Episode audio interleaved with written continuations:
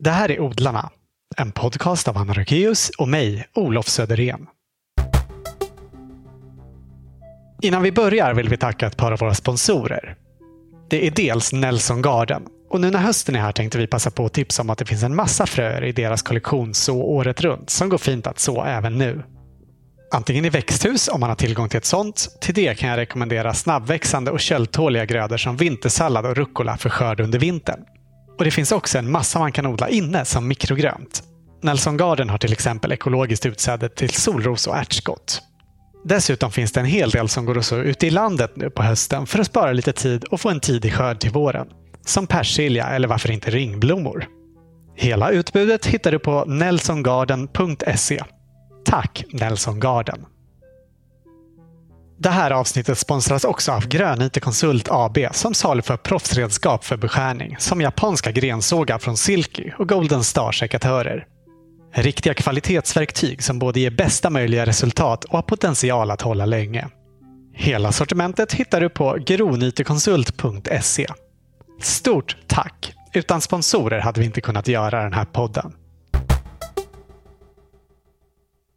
I det här avsnittet träffar vi en av författarna bakom böckerna Skogsträdgården och fleråriga grönsaker. Nämligen Filip Weiss som också undervisar om skogsträdgårdsodling och permakulturdesign på Färnebo folkhögskola. Han är dessutom högst delaktig i att förvandla Stjärnsund där han bor till ett ätbart landskap inspirerat av skogens ekosystem. Och här berättar han bland annat om hans och familjens egen skogsträdgård Puttmyra. Liksom om deras plantskola med fokus på fleråriga ätliga växter som lämpar sig i nordligt klimat. Intervjun spelade vi in på länk mellan Göteborg och Stjärnsund den 14 september. Varsågoda, här är Filip Weiss. Vi kommer ju såklart eh, prata en hel del om skogsträdgård idag. Men jag tänker om det finns eh, lyssnare som inte känner till begreppet, vill du ge en jättekort eh, presentation av vad en skogsträdgård är? Mm. Det, det, är alltid en utmaning att göra, ge den här väldigt korta presentationen. Men för mig är en skogsträdgård en odling som inspireras väldigt mycket av naturliga ekosystem. Hur de fungerar, eh, vilka processer som försiggår i naturliga ekosystem. Och Det kanske mest naturliga ekosystemet på våra breddgrader är just skogen. Så man lämnar en, en markbit åt sitt öde där människan upphör med alla sina störningar och sånt. Så kommer den markbiten att, att bli skog förr eller senare. Och De mekanismerna som sker där eh, tycker jag är otroligt spännande. Eh, att skogen sköter sig självt mer eller mindre. Det, det blir ett självreglerande system. Kräver ingen vattning, ingen gödning. ingen som är där och pysslar om odlingssystemet. är en, en um, intressant inspirationskälla för hur vi skulle kunna odla vår mat på ett annat sätt. För mig är det som är grunden med, med skogsträdgården. Att, att vi tar inspiration från naturliga ekosystem. Och i synnerhet skogen då, men det behöver inte bara vara skogen. Men av historiska skäl så brukar man kalla det för skogsträdgård eftersom det var så begreppet myntades en gång i tiden på början på 90-talet, slutet på 80-talet i England när man kallade det för forest garden eller food forest. Mm. Men man ska inte blanda ihop det med liksom en, en skogstomt. Nej, precis. Där, många... är, där det är naturlig skog. Precis, många gör den, den associationen att uh, ja, jag blir fortfarande uppringd och får mejl och sånt. Vad, vad odlar du i din granskog? Hur gör du egentligen? Har du gurka i, i granskogen och sånt? Och det är inte riktigt det det är såklart. Uh, och tydligen så fanns det också något begrepp tidigare som hette skogsträdgård. Att det var det som var woodland på svenska. Enligt någon äldre bok och sånt. Så att det finns väldigt mycket begreppsförvirring och det, det försöker vi väl reda ut. Och fortsätta förklara vad vi menar med med en skogsträdgård. Att det är ett ätbart ekosystem som har naturliga ekosystem som, som förebild. Mm. Som en väldigt kort definition på det. Vad är det senaste du planterade i din skogsträdgård? Det var faktiskt äpplen. I, för några dagar sedan så planterade vi ett gäng äppelträd runt en lite ny etablerad del av skogsträdgården. En inramning med sex stycken äppelträd. Några särskilda sorter?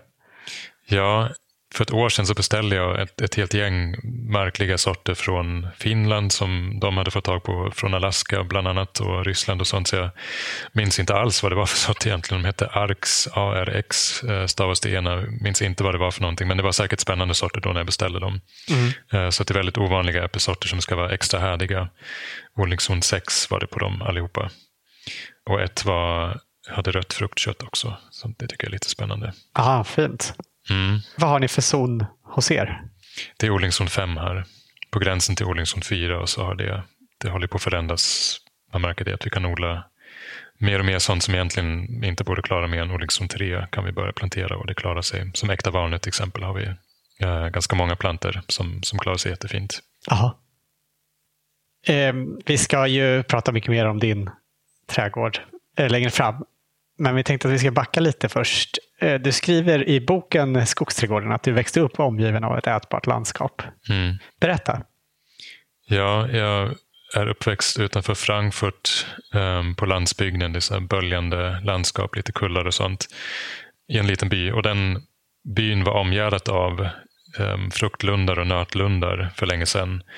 Som var ganska välskötta och sånt. Och så var det från andra världskrigets slut och framåt så övergav man mycket av det här. Det, var liksom, det tillhörde det mörka förflutna på något sätt att eh, behöva vara självförsörjande. Och ja, De här gubbarna framförallt som skötte de här odlingarna de försvann ju med, med, tiden och så var det en, den ena fruktlunden efter den andra som, som började växa igen för att ingen ville ta hand om de här odlingarna. Så det är som ett stommen i landskapet är gamla fruktlundar och nötlundar med äkta kastanj, med valnöt. Mycket äpplen, päron, plommon, körsbärsplommon, hur mycket som helst. Även vindruvor och till och med kiwi finns det där. Mm. Fikon på några ställen, persika. Och så är det alltifrån 70 år av igenväxning till 10, 15, 20 år av igenväxning. Och då har det blivit som ett väldigt stort ätbart ekosystem, flera hundra hektar sammanhängande ja, skogsliknande landskap med, med en extremt hög andel ätbara växter. För det, det, var det som fanns när, när naturen tog tillbaka makten på något sätt över det här landskapet så var det, fanns inte så mycket naturliga gener kvar i landskapet. Det var så kraftigt påverkat av människan så då var det just de här kulturväxterna som fick ta över och bilda skog.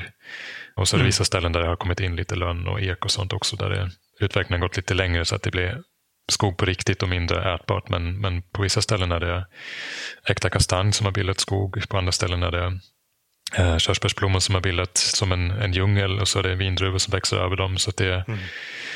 det har ju präglat mig väldigt mycket på ett sätt som jag inte riktigt var medveten om förrän jag började odla här i Sverige för 14 år sedan. Då märkte jag att det, det här var ju min referens. Att jag är omgiven av ett, ett landskap som är, har en, en hög andel ätbara växter eh, och att de växterna är fleråriga framför allt och att det sköter sig självt. Vill man ha något att äta så går man ut och skördar lite grann och ser vad som finns. Men det är inte så mycket att man behöver sköta och pissla om och rensa ogräs och sånt. Och Det fanns liksom med mig där undermedvetet när mm. vi började odla här på, på torpet där vi bor nu. Uh, och så småningom har det, ja, liksom det har växt till sig mycket mer. Eh, men det var i alla fall det som jag hade som ingång och sen har jag blivit mer och mer medveten också om att det var det som var min referens för det hela. Och eh, när jag åkte tillbaka dit till mina hemtrakter så började jag läsa landskapet eller se landskapet på ett annat sätt också. Från att det bara fanns där och det alltid varit så på något vis så började jag läsa det som en, eh, som en öppen bok för hur en skogstråd kan se ut efter 70 år, efter 10 år och så vidare. Som en, en mall för hur, hur jag kan skapa mina odlingar här, här i Sverige också. Trots att det är ett helt annat klimat och vi, vi måste göra andra val vad gäller växter och sånt så var det ändå en, som en lärobok som, som bara väntade på att bli, bli läst. Ja, men så som det ser ut liksom sen de här övergav så är det öppet så att vem som helst kan gå och plocka där?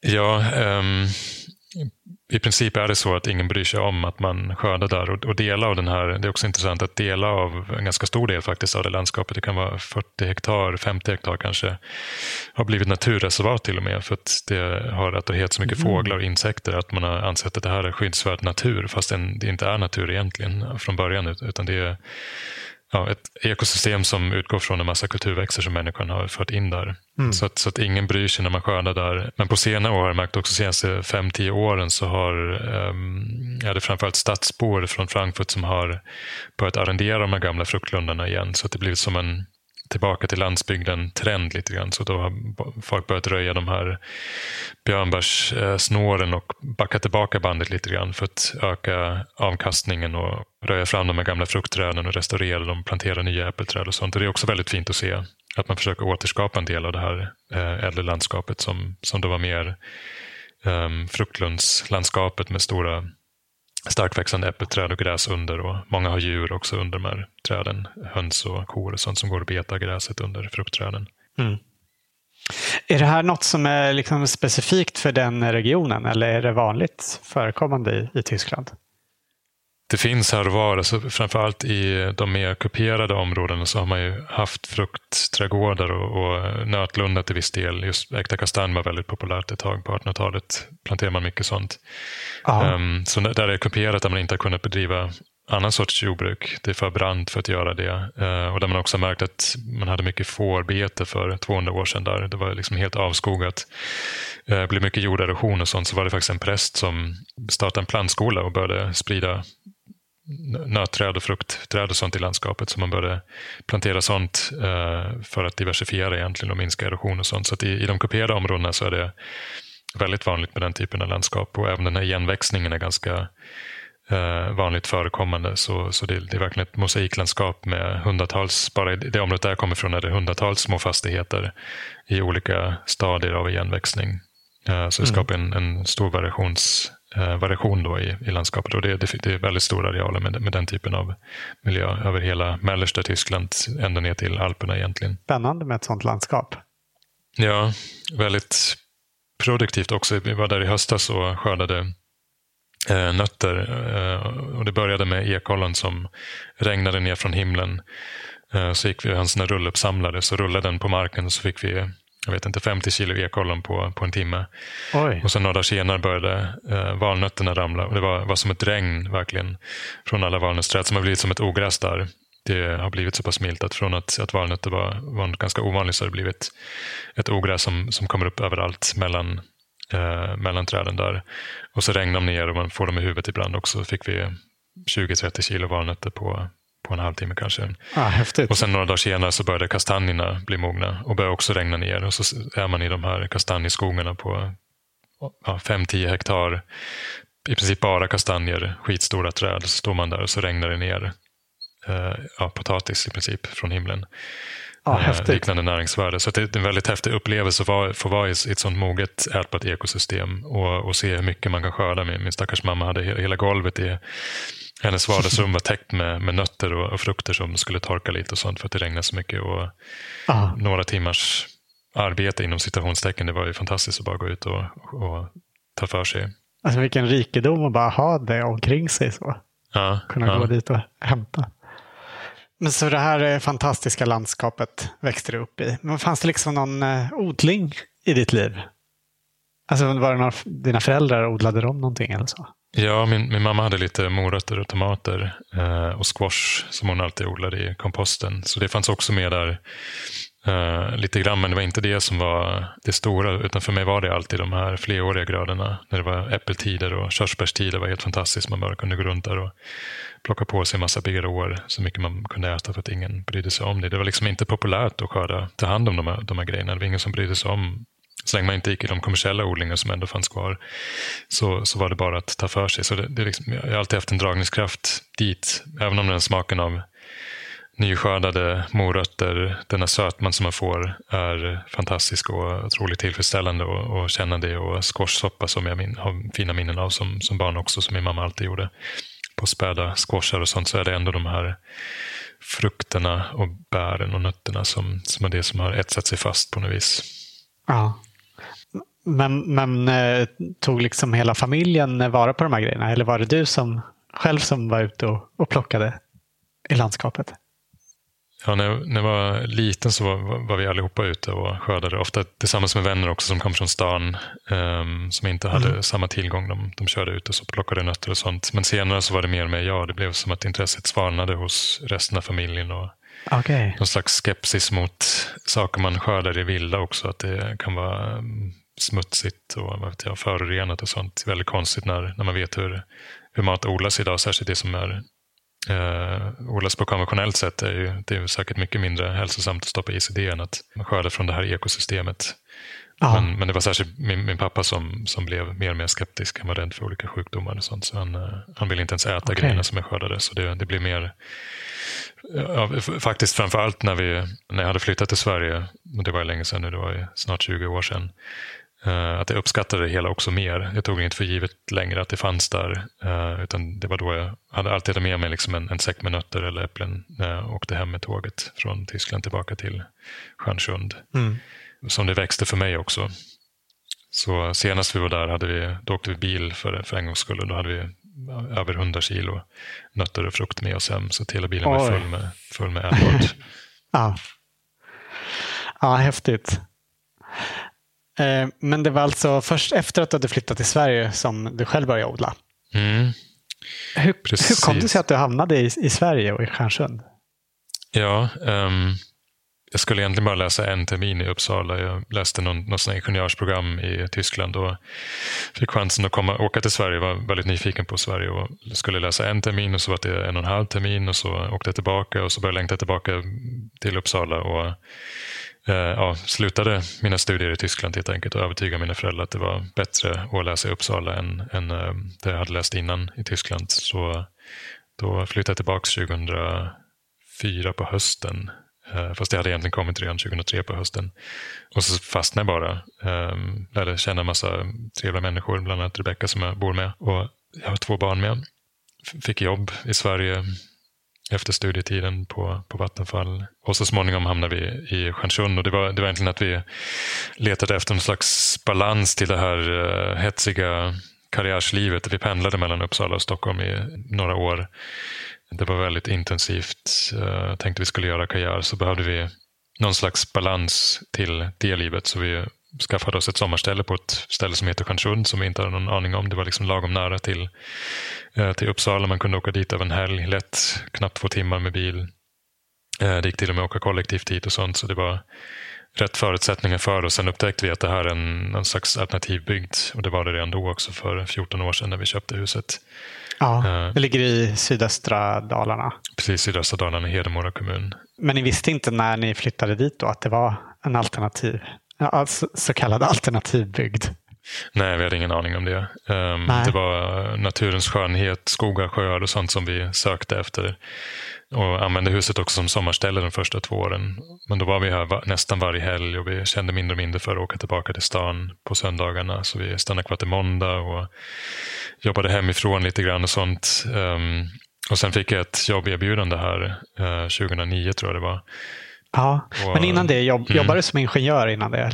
Ja, precis. Jag var någon slags um, klimatstrateg skulle man kanske säga idag på Vattenfall. Så jag skulle jobba okay. med den långsiktiga inriktningen av, av bolaget och ja. hur man skulle kunna göra utifrån klimathotet och, och allt det här.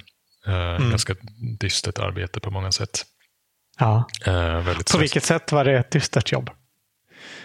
Alltså jag, en ganska stor del av min arbetstid på Vattenfall gick åt att läsa olika framtidsprognoser och scenarier och sånt där som olika aktörer hade skrivit ihop.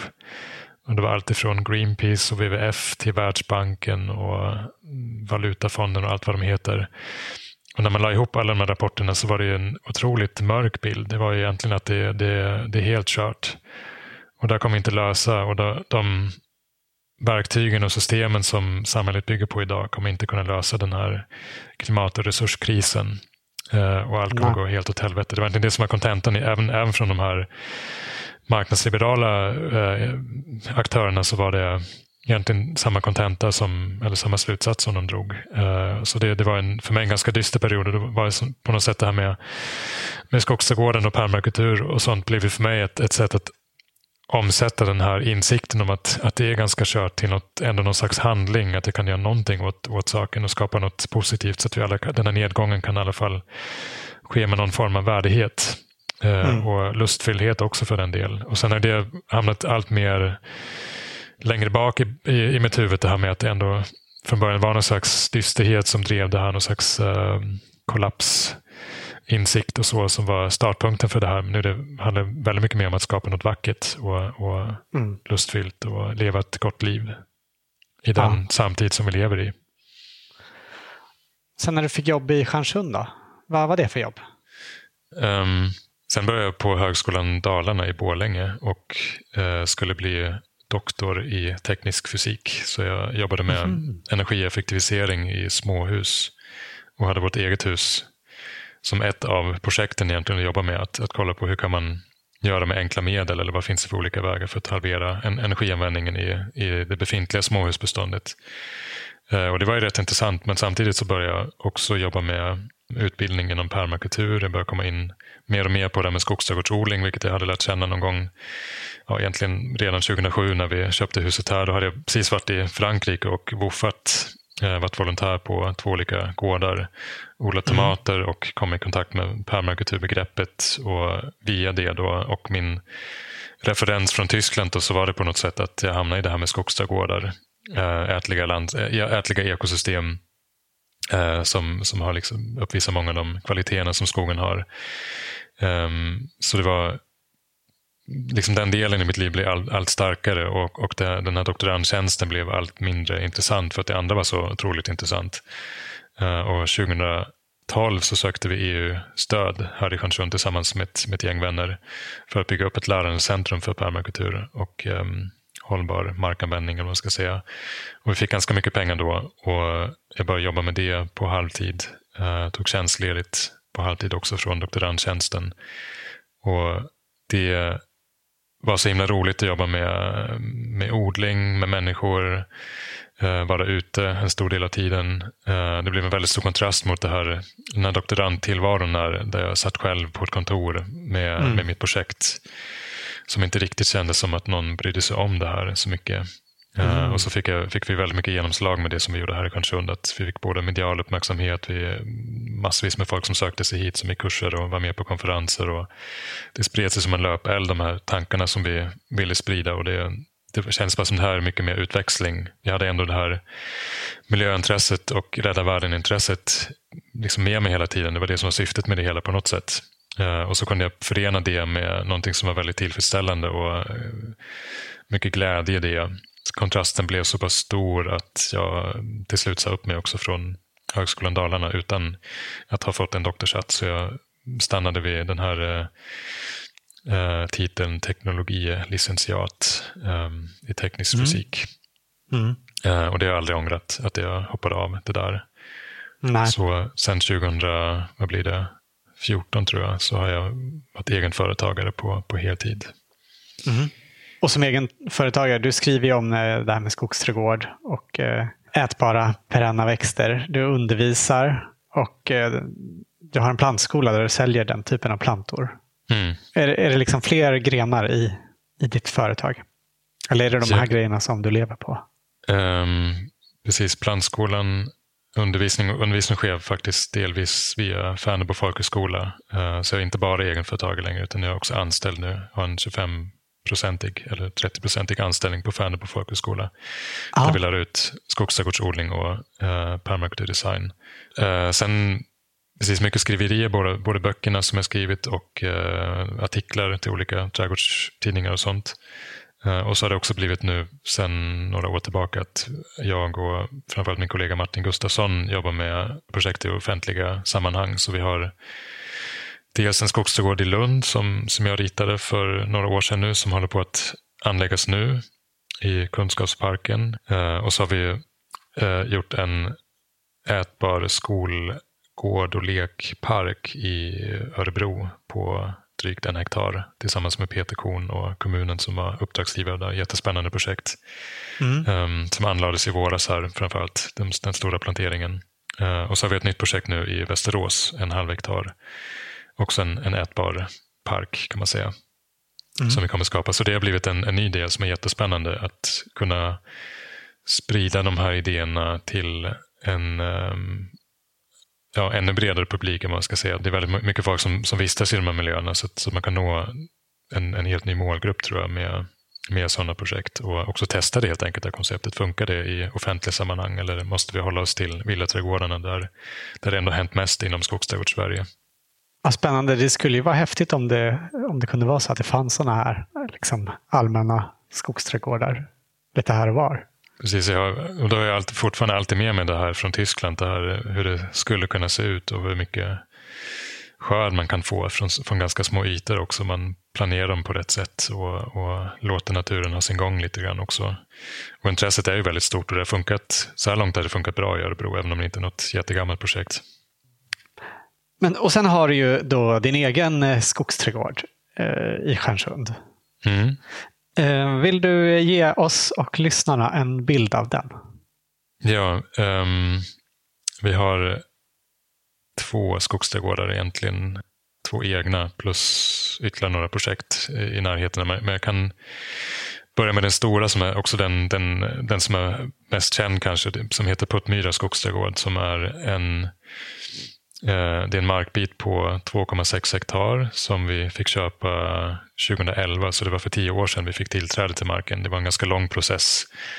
Det är väldigt svårt att köpa mark generellt och när det rör sig om ganska små markbitar så är det också svårt att stycka av dem. Så att vi fick ta, ta till en massa olika såna byråkratiska grepp för att ens få köpa den marken. Men, men, i alla fall för tio år sedan fick vi tillträde till marken. Och då ni var det en... Köpte ni den för att anlägga skogsträdgård? Liksom? Ja, från början skulle det bli en äppelodling. Vi hade någon idé om att, att vi skulle producera äpplen för att göra, göra cider och sånt. Men under mm. den tiden så så börjar vi lära oss mer och mer om skogsträdgårdsodling och jag börjar liksom komma ihåg allt det här från min, mina barndomstrakter, hur det egentligen såg ut. Det var inte bara äpplen, det var en massa annat också. Så den, den idén växte sig starkt under de två åren som vi höll på att förhandla om marken. Mm. Och, um, så då, då hade vi en design också med oss, hur vi skulle anlägga den här skogsträdgården. Jag hade läst alla böcker som fanns på engelska under tiden också som vi höll på att förhandla med, med myndigheter och markägare och så vidare. Och så satte vi igång då för tio år sedan med att plantera eh, mycket frukt och en del nötter och sånt. Och när vi började så var det egentligen 1,5 hektar eh, gräs, gräsmark. Eh, hälften hade plöjts en gång för länge sedan och så dog markägaren, den förrförra markägaren. Eh, och de nya markägarna gjorde inte så mycket åt den, eh, den halvan. Eh, så det var väldigt mycket kvickrot där bara. Man kunde se de här fårorna efter plöjningen fortfarande också. Så det var ja, det var liksom inte i något jättebra skick, den marken. Och den andra halvan var någon slags vall som man hade slagit av en gång per år. Ehm, um, magermark, var låg mullhalt, uh, ganska kompakt lera. Uh, inte så mycket fart i, i, jorden helt enkelt. Sen ligger det också på någon slags liten platå. Ehm, vi hade gärna haft någon, någon slags lång södersluttning för att kunna ha lite bredare urval vad gäller växter och sånt. Men det här är egentligen som en liten sänka uppe i landskapet på 150 meters höjd med en eh, sydvästsluttning som sluttar hela 6 meter ner mot eh, ett dike. Eh, och sen en nord nordöstsluttning som sluttar tre fyra meter bara. Um, så att det, det finns ju bättre förutsättningar Eh, för anläggande av skogsträdgården än, den där marken. Plus att grundvattennivån är väldigt hög också. Det är en gammal myr. Eh, först var det en, en, en sjö och sen har den sumpat igen och blev någon slags myr. Därför det heter puttmyra också. Um, men det, det, det, var det vi kunde köpa. Vi frågade många markägare men ingen kunde tänka sig sälja någonting till oss. Så det, det var det här som eh, blev vår startpunkt i det här med skogsträdgårdsodling. Och så har vi försökt placera växterna som vi odlar där eh, utifrån bästa tänkbara förutsättningar för, för dem utifrån de ganska dåliga förutsättningar som vi har från början. Så högst upp i den här sydvästluttning där har vi planterat våra nötlund. Det är kanske en 3-4 tusen kvadratmeter med valnötter av olika slag, mycket hasselnötter. Vi har satt kanske ett 50-tal hasselnötsbuskar sammanlagt i sluttningen och sen ansluter nedanför ansluter eh, plommon och äpplen som är lite mindre kinkiga, eh, körsbär och um, i de mer låglänta delarna där grundvattennivån är väldigt hög, där har vi behövt bygga uppåt. Så vi har grävt dammar också, sex stycken dammar och använt schaktmassorna för att bygga upp jorden så att vi kommer ifrån den här höga grundvattennivån. Och där har vi också planterat eh, väldigt mycket bärbuskar, många olika fruktträd, lite nötter bara för att se om de klarar sig i de här svackorna, eh, de här köldfickorna. Och sammanlagt tror jag att vi odlar ungefär 300, 200 arter av vedartade växter, alltså träd, buskar och klängväxter. 300 eh, arter? 200 arter är det nu ungefär. Ah. En del ganska obskyra saker, såna korsningar mellan rönn och äpple och sen rönn och äpple och päron. Och om man räknar det som en egen art så det, blir det lätt 200 arter. Ah. Men sen har vi också många olika sorter. så att Äpple är en art, men vi odlar kanske 60 olika sorters äpple. Och um, hasselnötter har vi ett 20-tal sorter. Valnötterna har vi också ett antal olika sorter och så vidare. Så det, jag har faktiskt inte räknat på ett tag nu hur många sorter vi har, men det, det är ett antal hundra olika sorter, både gäller bärbuskar och fruktträd. Och det som är förvånande för oss är att vi kan odla så mycket ändå, trots att det är odlingszon 5 i en lerjord mm. Eh, i ett ganska dåligt läge. Och det här är bara de vedartade grejerna? Och det är bara de vedartade grejerna, precis. Eh, mm. Eh, ligger det här liksom i, i anslutning till eh, där ni bor? Inte riktigt. Det är 500 meter från eh, torpet där vi bor. Mm. Det var det närmaste vi kunde få helt enkelt. Så man går ner i en dalgång, sen upp för en, en backe och sen ner igen. Uh, så det är en liten bit att gå, men det känns också ganska skönt eftersom det har blivit en... Från att, att ursprungstanken var att vi skulle bli självförsörjande och testa den här idén också i det här klimatet där det inte finns så mycket erfarenhet av ätliga ekosystem så har det blivit en halvoffentlig och eh, kommersiell verksamhet. Så det är ganska skönt att inte bo i sitt jobb. För annars tror jag att vi skulle bara hålla på och jobba hela tiden. Man ser bara saker som borde göras och städas och, och fixas och sånt. Så det är ganska skönt att ha lite distans. Att man ändå har en, en liten, ett litet pendlingsavstånd som är väldigt härligt. En, en skogspromenad på tio minuter. Att man får gå till jobbet. Mm, mm. Men, men är det du och eh, Rebecka som har anlagt och sköter skogsträdgården? Ja, det, det är vi precis. Sen, sen har vi haft hjälp av praktikanter och volontärer genom åren. Och nu har vi mycket hjälp av våra kursdeltagare också på Färnebo folkhögskola. De är, de är med oss ett helt år. Så de planterar de här fruktträden vi, vi satte förra veckan. Var de med som en övning eh, i, i, hur man bygger upp en, en planteringsbädd och hur man skyddar träden mot sark. och så vidare. Så de, de satte sju eller åtta fruktträd. Och utöver det här vedartade då, så har ni ju väl också en massa eh, andra växter? Mm. Och Det har varit lite svårt, de här örtartade växterna. Um, både ätliga örter och icke-ätliga som stödjer det här ätliga ekosystemet på olika sätt. Mm. Det har varit lite svårt uh, att, att få dem att överleva i längden. Vi hade någon sån där, um, ja, ett riktigt flaskhalsår 2017-18. Okay. var det en meter snö här Eh, mm. Och så var det töväder emellanåt så att det blev, och så frös det på igen så att det blev som skarsnö i flera lager. Uh, vilket gjorde att alla de här sorkarna kunde föröka sig hejvilt och inga rovdjur kunde komma åt dem längre. Så vi förlorade faktiskt 80 procent av våra örtartade ätliga växter skulle jag säga. Oj. I princip alla, alla lökar, alla, alla växter i släktet allium blev uppätna. Vilket man i mm. vanliga fall säger att de det, man kan använda för att avskräcka sork, men, men i det här fallet så åt de upp allt det där. Um, mm, för de var så, så många, är, så de åt, åt allt som fanns? De åt allt som fanns, så det som har överlevt är sådana ganska robusta saker som olika sorters vallört som vi har som en, uh, en växt som stödjer näringsomsättningen eller ökar näringsomsättningen i systemet för att påskynda det här Eh, utvecklandet av, av, ett, av det ätbara ekosystemet. Uh, mynta har överlevt bra, en del blommor och så har överlevt, men mycket av det ätbara har försvunnit faktiskt.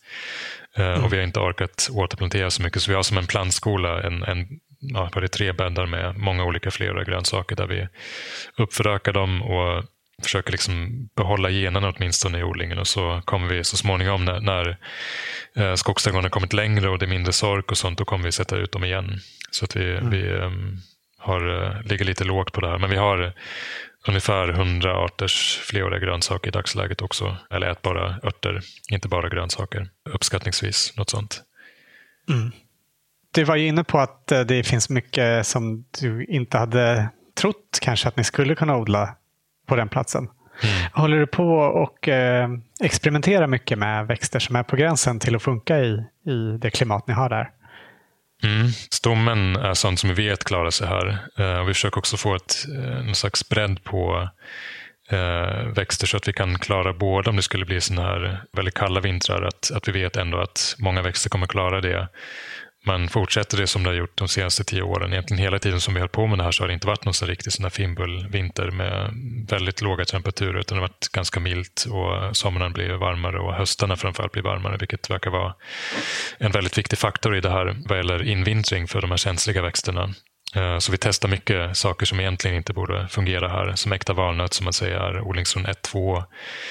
Och där utgår vi från eh, gener och växtmaterial som har sitt ursprung i Vitryssland framför allt, eller Belarus som det heter nu. Mm. Eh, där vi, ja, det finns ett antal sådana valnötter som, som växer ända upp i Örnsköldsvik och ger skördar. Så vi har, eh, vi har åkt till Belarus och köpte utsäde där och vi har planterat en massa sådana växter. De har blommat och kommer säkert ge frukt nästa år skulle jag tro. Det blir nog första skörden i historien i Dalarna. Um, det är en sån växt. Sen odlar vi mispel och kvitten har vi planterat Också sådana växter som man säger är maxodling som tre på. Och mispel kan vi skörda varje år, inga problem. Sen har vi odlat aprikos. Vi fick första frilandsskörden i år. ett kan, kan det vara 30-tal frukter från en av buskarna som vi har eh, här hemma.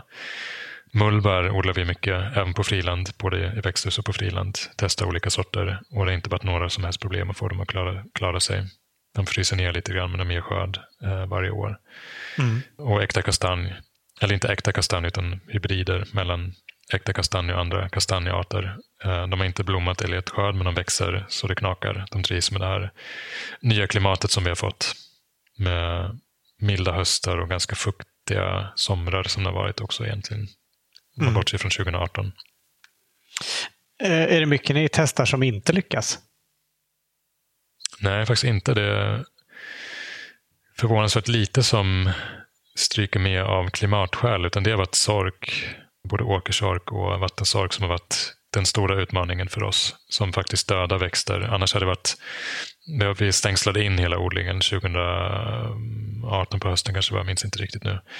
Um, och innan dess hade vi rådjur och älgar och sånt som gick och betade på sakerna, men de dödade aldrig någon växt, utan det var, det var de här sorkarna som gjorde det. Uh, och köld, tålighetsmässigt så är det någon enstaka valnöt som har fryst ner helt och dött. Men ja, vi har till och med hickory som klarar sig hur bra som helst. Så det, nej, konstigt nog så den här zonkartan verkar inte riktigt stämma längre. Nej. Hur använder man hickory? Det är också en nöt. Um, en fantastisk nöt. Den godaste nöten tror jag som jag har smakat. Okay. Otroligt aromatiska, mycket såna umami-toner får de. Mm. Sen är det ju utmaningen där att, att det kan ta lite tid att, att få skörd. Upp till 30 år någonting brukar man säga innan man får första skörden från, från fröplantor. Så vi ska faktiskt åka till Litauen nästa vecka och köpa på oss impade hickory och faktiskt även pekanträd som, som en man i Litauen som har som odlar i en zon som motsvarar zon 3 i Sverige.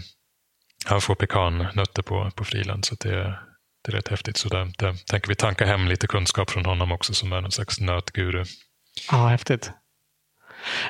Eh, men de här eh, lite känsligare växterna, då, är det liksom, väljer ni bara då de mest eh, skyddade platserna för dem eller gör ni liksom andra åtgärder för att de ska klara sig?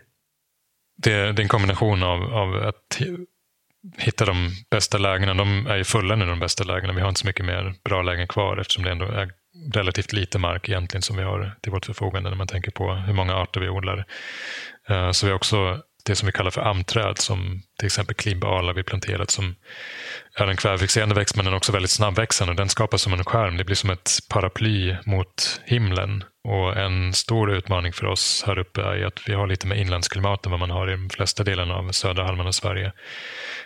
Vilket innebär att vi får ganska stor skillnad mellan dag och nattemperaturen. Och det, det är den klara eh, natthimlen på vår och höst när det är helt stjärnklart och vindstilla som man förlorar jättemycket värme upp i rymden.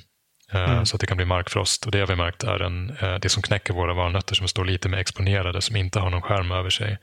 Så därför har vi planterat 400 klibbalar på marken plus eh, något som heter silverlönn. Och, Eh, vi släpper också fram allt sly numera som inte direkt konkurrerar med våra växter just för att skapa mer eh, skogslika förhållanden. För det vi har observerat på marken är att dels om omgärdat av eh, en hektar skog, en, som en remsa som går runt hela, hela marken och vi äger det mesta av den skogen också som tur är. Eh, som ger skydd och vi har planterat bland de här träden i skogen också en del valnötter och sånt. Och det kan vara upp till sex veckors skillnad i första höstfrost mellan eh, de mest öppna delarna och de här delarna där det finns större träd som, som bildar en skärm. Just för att mm. de bromsar den här de här värmeförlusterna upp i atmosfären på höst och vår. Och det är framförallt på hösten som vi kan förlänga säsongen med de veckorna som de här känsliga växterna behöver. De behöver ganska mycket värme för att kunna förvera sig ordentligt och vintra in ordentligt.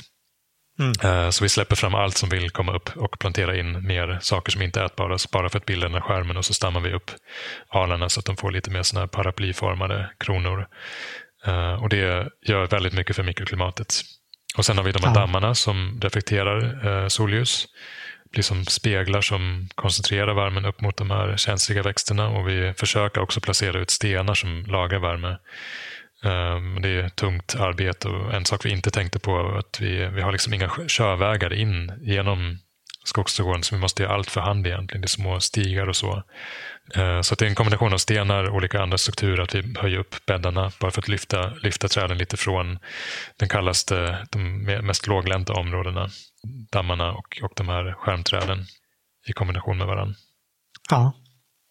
Kan du liksom längta efter att eh, odla och anlägga skogsträdgård i, i ett klimat där det funkar att odla ännu fler olika arter?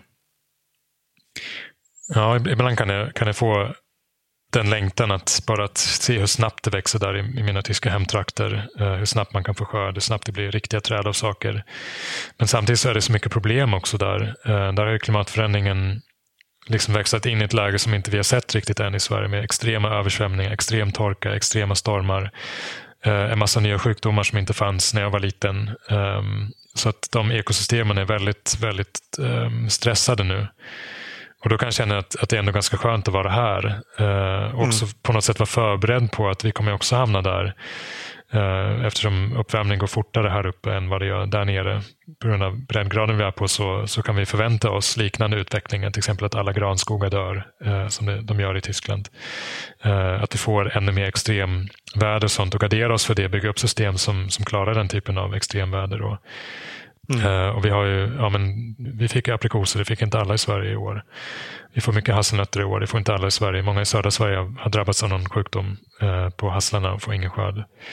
Okay. Så än så länge så känns det nästan mer stabilt här. Även om det är mer begränsat och odlingssäsongen är ganska kort så kan vi ändå odla det vi vill odla för det mesta. Mm. Ursäkta avbrottet, men odlarna har ytterligare ett par sponsorer som jag vill tacka. Det är dels Repamera, ni vet de som erbjuder lagning av kläder, väskor och skor över postorder. Som bekant gör man en stor insats för miljön om man väljer att laga istället för att köpa nytt. Och därför vill vi ge alla våra lyssnare ett erbjudande. Uppge rabattkoden ODLARNA15 så får du 15% rabatt. Och beställer gör du på repamera.se. Odlarna 15 alltså. Vi sponsras också av Classicum som erbjuder ett stort utbud av växthus, orangerier och isolerade uterum. Och för den som vill ha maximal odlingsyta för pengarna har de även odlingstunnlar av hög kvalitet. Tunnelväxthusen är lätta att montera, flytta och om det skulle behövas att bygga ut. De är med andra ord perfekta för den som behöver en flexibel lösning för att odla värmekrävande grödor, förlänga säsongen eller skydda eftertraktade godsaker från till exempel rådjur och fåglar. Läs mer om hela Klassikums utbud och beställ på klassikum.se. Där kan du också boka en kostnadsfri rådgivning med deras kunniga medarbetare. Tack Klassikum för att ni är med och möjliggör den här podden. En viktig del i en skogsträdgård är att den ska förse sig själv med näring också. Du nämnde ju alen som är kvävefixerande och eh, som då tillför näringsämnen till ekosystemet i trädgården. Eh, vad har ni mer för sådana växter? Ja, vi försöker inspireras av de naturliga mekanismerna då. Det kanske inte är just exakta växtkombinationer och sånt som vi inspireras av, utan mer försöker liksom förstå vad, vad är det för mekanismer som gör att naturliga ekosystem inte behöver göras och vad är det som skapar bördighet i naturliga ekosystem. Och en jätteintressant mekanism som jag hittade när jag höll på med den där boken Skogsträdgården eh, var att det finns en hel del växter som kan känna av i det översta jordlagret där, där den mesta aktiviteten sker i jorden, de översta 30 centimeterna, så kan de känna av vilka ämnen som saknas för att um, det ska bli en bättre produktionskapacitet i jorden egentligen. Uh, och bland annat ask och asp och lönn, uh, hassel och lind med, med flera eh, de har en förmåga att, att, att, att kolla av, är det, är det någonting som saknas här för att vi ska trivas som bäst? Eller våra medhjälpare ska trivas. Och så kan de skicka ner näring till sina djupaste rötter för att mata bakterier och svampar som är specialiserade på just att ta upp de här näringsämnena. Och det är just kalium eh, och kalcium framförallt verkar som, som de kan plocka upp från djupare jordlager som egentligen är otillgängliga för de flesta växterna. Och så suger de upp de här ämnena Eh, med rötterna och laga in det i löven och när de fäller löven på hösten så har de då fört över kalcium och kalium från djupa jordlaget till det översta jordlaget och det stimulerar dagmaskarna enormt eh, när det finns kalcium och kalium. Det är det de behöver för att trivas som bäst. Och de boostar då hela systemet. Det vet alla odlare att dagmaskar är kanonbra att ha i odlingen. Eh, så att genom att, att fälla löven så ökar dagmaskpopulationen per automatik och pH-värdet stabiliseras först Eh, eftersom man tillför eh, kalcium och kalium som, som har påverkan på pH-värdet och sen kan, kan de till och med höja pH-värdet eh, om det skulle vara en lite surare jord. Och, det, och Den mekanismen tycker jag är otroligt spännande. Och det är egentligen omvända från vad granen gör. Den känner ju också av det här, men den suger åt sig de här ämnena då i det översta jordlaget, just kalcium och kalium, med sina ytliga rötter och binder in dem benhårt i, i barren och, och, och veden också. Och när de släpper barren så är de väldigt otillgängliga. Det krävs specialistnedbrytare för att frigöra de ämnena igen. Så därför granen försurar marken och lövträden, de flesta gör precis tvärtom. Buffra pH-värdet och sen höja pH-värdet lite, eh, lite lagom så att alla de här svamparna och dagmaskarna och så vidare trivs så, så mycket som möjligt. Eh, och det är därför vi släpper fram allt lövsly också i, eh, i skogsträdgården. Eh, för att få så mycket löv på marken som möjligt. För att få upp de här näringsämnena Eh, så fort som möjligt. Att få också den här övergången från gräsmark till lövskogsmark eller lundmiljömark eller sånt där, så fort som möjligt. Så det är väldigt tätt nu mellan de här lövfällande träden och buskarna som, som inte är ätliga. Så sälj är också väldigt bra. Släpper vi fram asparna till och med släpper vi fram för att de, de är väldigt ljuskrävande och sätter vi in en valnöt i ett aspbestånd och ser till att valnöten får tillräckligt med vatten eh, så kommer det utkonkurrera asparna till slut. Så att det är ingen, inget ogräs för oss eh, som det skulle vara kanske i en vanlig odling. Eh, sen har vi eh, den här berömda vallörten också som, eh, där vi använder två sterila, eller tre egentligen, tre sterila varianter. En som heter Bocking 4 och en som heter Bocking 14 som båda är selekterade i, i England på ett ställe som heter Bocking och så var det rad 4 och rad 14 då, som var de som var mest lovande, som är helt sterila. De kan inte producera grobara frön, de här sorterna. Och, de och sådana vill man ha för att det inte ska bli ett ogräs. Ett bara, bara, precis, bara vallört Eller om man nu kallar det ogräs. Men... Ja, det, det, kan, det, det har lite ogrästendenser om, om man inte har de här sterila. Ja. Uh, och de har också den förmågan att de kan gå ner med sina rötter och samla upp olika mineralämnen som de lagrar in i sina blad. Bladen är enorma, så de skördar vi regelbundet. Vi har flera tusen vallörtsplantor i skogsträdgården, så vi går där med lie och samlar in materialet och lägger det där vi vill öka näringsmängden och bygga upp lite mer mulljord och så. Eftersom det var en, en väldigt mullfattig lerjord som vi hade som utgångsmaterial. Så vi försöker skapa så mycket dynamik som möjligt på platsen, eh, skapa så mycket kretslopp lokalt som möjligt Eh, och använder också andra kvävefixerande växter som eh, sibirisk ärtbuske eller häckkaragan som den egentligen heter i de torrare lägena, klarar den väldigt bra. Eh, vi är inte rädda för gråal heller som är eh, ett, ett ogräs i Eh, för bönder då för att de skickar ut rotskott. Men den är också väldigt ljuskrävande så det är inget svårt att bli av med så småningom. Eh, också den kvävefixerande. Och sen vet, men sen är det också så att vi måste vara ärliga med att det här är, är ju inte ett naturligt ekosystem utan det är ett ätbart ekosystem eller ett ätbart odlingssystem med ekosystemkvaliteter där vi har stoppat in massvis med kulturväxter som är framavlade för en onaturligt hög produktion egentligen eh, som ger mycket mer frukt än vad de skulle göra i ett naturligt sammanhang. Och då Dessutom exporterar vi den frukten hem till oss och äter upp det eller våra kursdeltagare äter någonting eller besökare och sånt. Och Det innebär att vi får ändå en, ett slags, ett, ett läckage av näring från skogsträdgården. Och det försöker vi kompensera för genom att tillföra eh, Alltså vi, vi, har bara komposttoaletter både, både här hemma och i skogsträdgården för alla besökare. Eh, och så har vi latrinkompostering Eh, komposterar allting i två år och urinseparation har vi också så att vi kan samla in en massa urin som vi sen sprider på våren framförallt för att eh, stödja skogsträdgården. På det sättet återföra både kväve och fosfor och så har vi, har vi latrinkomposten för att framförallt återföra en del av de här spårämnena men också öka mullhalten. Så det lägger vi under täckmaterialet kring träden då. Att vi täcker det med lite tidningar och, och flis och sånt och aldrig i grönsakslanden just ifall det skulle vara så att det är patogener kvar efter två år. Även om det inte brukar vara det så eh, försöker vi ändå skapa ett, ett konstgjort kretslopp också. Men ni tillför liksom inget annat, typ djurgödsel eller så? Det gör vi också i början när vi planterar så uh, har vi också lärt oss nu att Ja, vi kan återkomma till de grund, eller de viktigaste vad ska man säga, framgångsfaktorerna för, för att lyckas med etableringen framförallt av en skogsträdgård. Det är fyra punkter som är viktiga. Mm. Um, och En av dem är näringsbalansen och, och se till att man ger dem den näring de behöver till en början. För det var något som vi inte begrep ordentligt i början att vi tänkte att ja, det här blir som i skogen och den, den växer av sig själv och varför ska vi hålla på att tillföra näring utifrån? Det blir liksom inget bra kretslopp och sånt och så växte inte grejerna. Det var först när vi började använda biokol och eh, ja, stallgödsel som vi fick tag på, häst, hästgödsel och lite annat, vad, vad, vi nu kan få, få tag på. Först när vi tillförde det vid planteringen, det var först då vi såg att okay, nu, nu börjar de leva upp till sin potential här och bygga kraftiga rotsystem och, så att de kan bli självgående individer sen. Mm. Uh, att, Men just under etableringsfasen behöver de lite extra stöd. Precis, just de första två åren så, så tillför vi näring utifrån. Och det behöver vi göra för att det är så fattig mark. För att det var så förbrukat helt enkelt, um, mm. den marken. Hade man haft en bördig mark att utgå ifrån då behöver man inte göra det.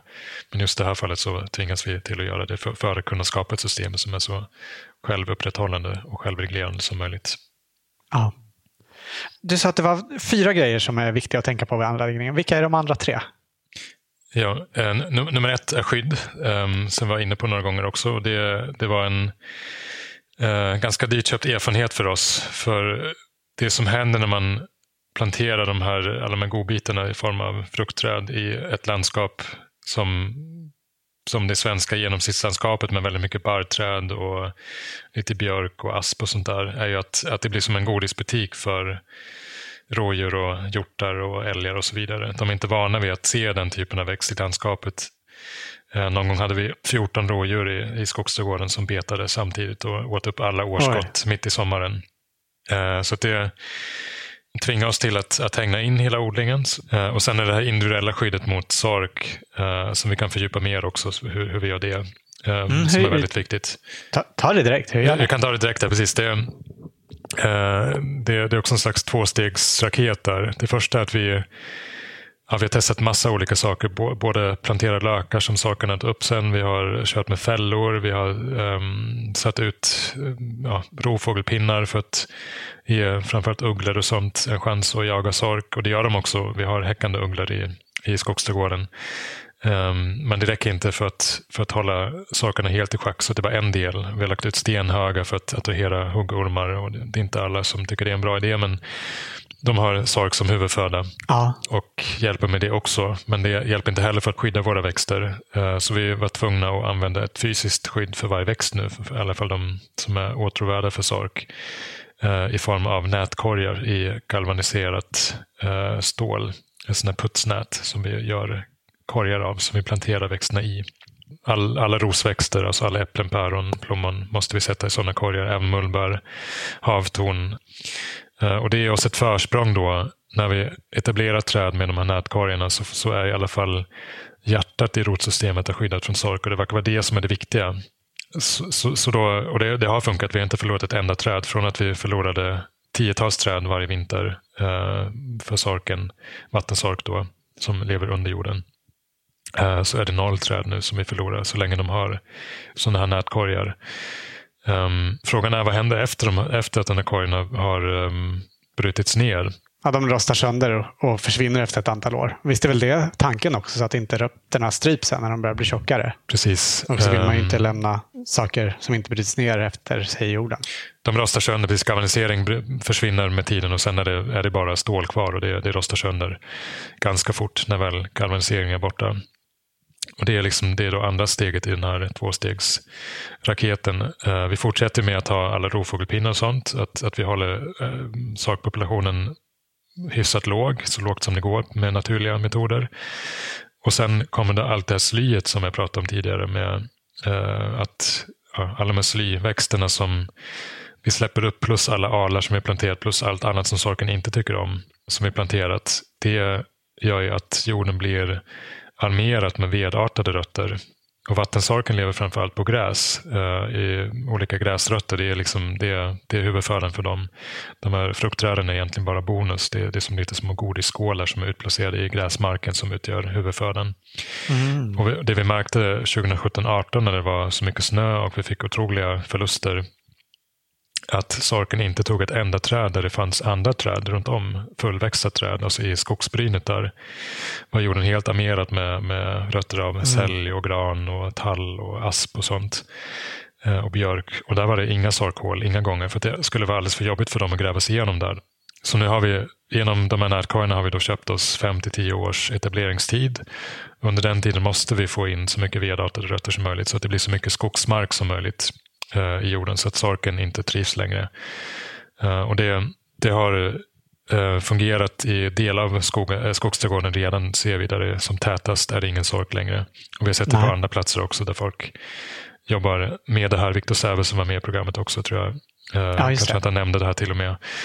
Han, han har också ett område i sin skogsträdgård där de kör precis med det här att man släpper fram den vegetation som är naturlig och använder det som ett permanent sorkskydd på lång sikt också när de här nätkorgarna har brutits ner.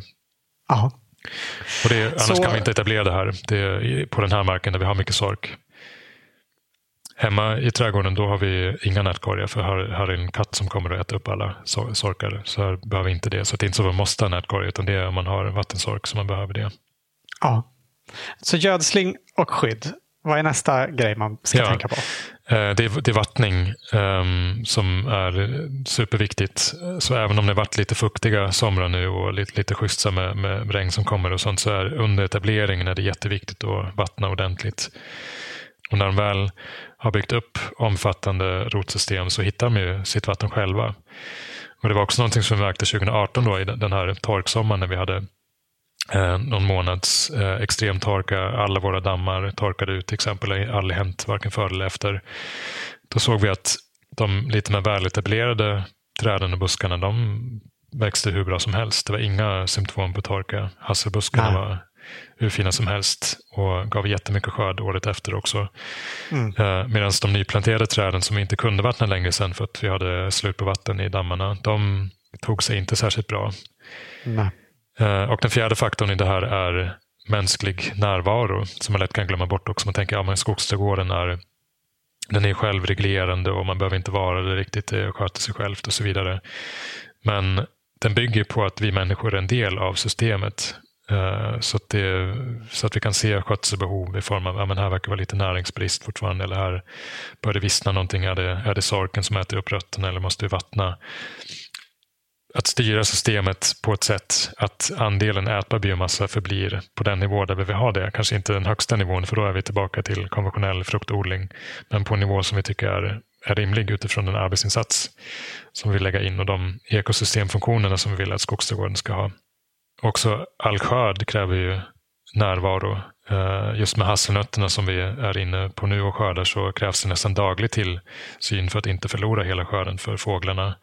Så att se till att skapa eh, förutsättningar för mänsklig närvaro. Och för vår del är det att vi har placerat våra två växthus som är de ytorna där vi egentligen tillbringar mest tid för att det är, det är en del av den kommersiella verksamheten. Att för att kunna komma till dem så måste vi gå igenom skogsträdgården och så har vi också grävt dammar på stigarna egentligen som fanns från början där, eh, eller som vi hade trampat upp, så byggde vi dammar där så vi måste gå runt dammarna så blir ännu längre, en ännu längre väg genom skogsträdgården för att kunna komma till växthusen. Och det gör ju att vi får per automatik, vi kan inte välja, välja bort det, får vi mycket interaktion med skogsträdgården kan se oj, här var det det bäret som börjar bli moget. Och, ja, olika sådana här runder som vi har skapat då för att skapa den här mänskliga närvaron. Och, och då blir man också en del av systemet mer och mer. Mm. Det, det, är så tjusigt med, med skogsträdgården att det, man är ingen diktator utan mer en slags medspelare och kan gå runt och förundras över hur bra de här naturliga processerna ändå är på att skapa avkastning och, och bördighet och skönhet och så vidare. Ja. Du nämnde ju dammarna. Är det liksom därifrån ni tar allt vatten ni behöver för att vattna? Ja, precis. Vi, vi, den stora skogsån är off-grid så att vi har eh, ingen möjlighet att pumpa upp vatten någonstans ifrån. Det finns inga ytvatten i närheten eftersom det är högt upp i landskapet i den här platån. Så mm. vi, vi var tvungna att, att, att skapa ytvatten, eh, både för bevattningens skull men också för den biologiska mångfaldens skull. Det är en magnet för både fåglar och insekter och olika kräldjur och sånt så har gjort jättemycket. Men det är därifrån vi tar allt vatten. Vi har eh, ja, det är nog sex dammar och den största är på 250 kvadratmeter och rymmer kanske 200 000 liter vatten. Så där pumpar vi upp vattnet till en, ett tanksystem med sex stycken sådana kubiktankar som är placerade på den högsta punkten på marken, sju meter över eh, växthuset och plantskolan och de vanliga grönsakslanden. Och så rinner vattnet ut med självtryck Ah, ja. Och vi har, kan vattna varje pinne i skogsträdgården med slang. Och så har vi droppbevattning mm. i växthusen och odlings, eh, land, odlings, odlingsbäddarna. Och plantskolan mm. är både droppbevattning och, och slang. Eh, om man tycker att det här med skogsträdgård låter spännande och skulle vilja börja men kanske inte har de här stora ytorna som eh, ni utan vill börja där man står. Alltså kanske en del av en villaträdgård eller på en eh, odlingslott. Eh, kan du ge förslag på några användbara och hyfsat enkla växter att börja med? Mm. Absolut. Um, då skulle jag utgå från det. Vad, vad, vad gillar du för någonting? Är det någon frukt du tycker om? Kanske en, en särskild äppelsort eller en plommonsort som är extra god, som man har smakat någonstans tidigare och ha det som en stomme då, eh, säg ett plommonträd. Och sen kan man komplettera med olika bärbuskar och sånt runt om för att skapa en, en mini-skogsträdgård, en mini-samplantering som då liknar egentligen ett eh, så lite halvt naturligt ekosystem. Finns, eh, I centrala Asien finns det ekosystem som är baserade kring äpple, päron och plommon med, med olika buskar som kompletterar de här träden. Det är inga, inga riktiga skogar men det har ändå, ja, men det ser ut som en skogsträdgård egentligen. kan man ha som förebild. Steppskogarna som vi också har skrivit om lite i boken. Eh, hur de kan se ut. Och, och sen kompletterar de med, det kan vara helt vanliga buskar som man känner igen, vinbär och sånt, men många har redan vinbär och kanske inte vill ha ännu mer vinbär. Då kan det vara schyssta krusbärsorter, skulle man kunna sätta in. De växer naturligt med plommon också, sådana olika ribesarter. Eh, eh, det kan vara blåbärstry, en jättetrevlig växt som många uppskattar oerhört mycket som är robust, härdig, blommar väldigt tidigt, är perfekt för nyvaknade humledrottningar att förse dem med nektar och pollen. Eh, på något sätt sammanfaller blomningen alltid med att humledrottningarna vaknar. Så det, det, är perfekt på det sättet och det är ett bär som, som man inte kan köpa i affären idag. Eh, som är väldigt välsmakande. Som kan mogna redan i slutet på maj eh, om det har varit gynnsamma vårar och sånt. Eh, det, det, är i alla fall för oss alltid det första bäret på säsongen eh, som mognar, blåbärstri. Och som sagt oerhört lättskötta och man kan inte ta kål på dem nästan. Eh, en annan sån växt är bärhäggmispel som var lite hypade för kanske tio år sedan. var det en del snack om det, men det har på något sätt försvunnit lite grann igen. Saskatoon kallas de också. Amelanchier alnifolia. Uh, och Det finns bra sorter som heter Martin, Tisen, Northline, Smoky är de bästa sorterna. Väldigt goda bär. Mycket godare än de här vilda häggmisplarna som uh, finns lite överallt i landskapet. Mm. Och de blir inte jag har faktiskt stora. inte provat bär, bärhäggmispel, mm. men jag tycker vanlig häggmispel är gott. Ja, om det, det är ännu godare så ja, måste precis, det vara toppen. Mindre andel kärnor och mycket med fruktkött och lite sån här uh, bittermandelarom i det hela också. Lite mm. olika mellan olika sorter lättodlat vacker också. Jag tänker att har man lite plats så kanske man vill ha både skönhet och ätbarhet och där just den här eh, häggmispen är en bra växt som får jättevacker blomning på våren och sen fantastiska höstfärger, så kopparfärgade eh, blad och lite orange och, och ett jättefint bär eh, på köpet.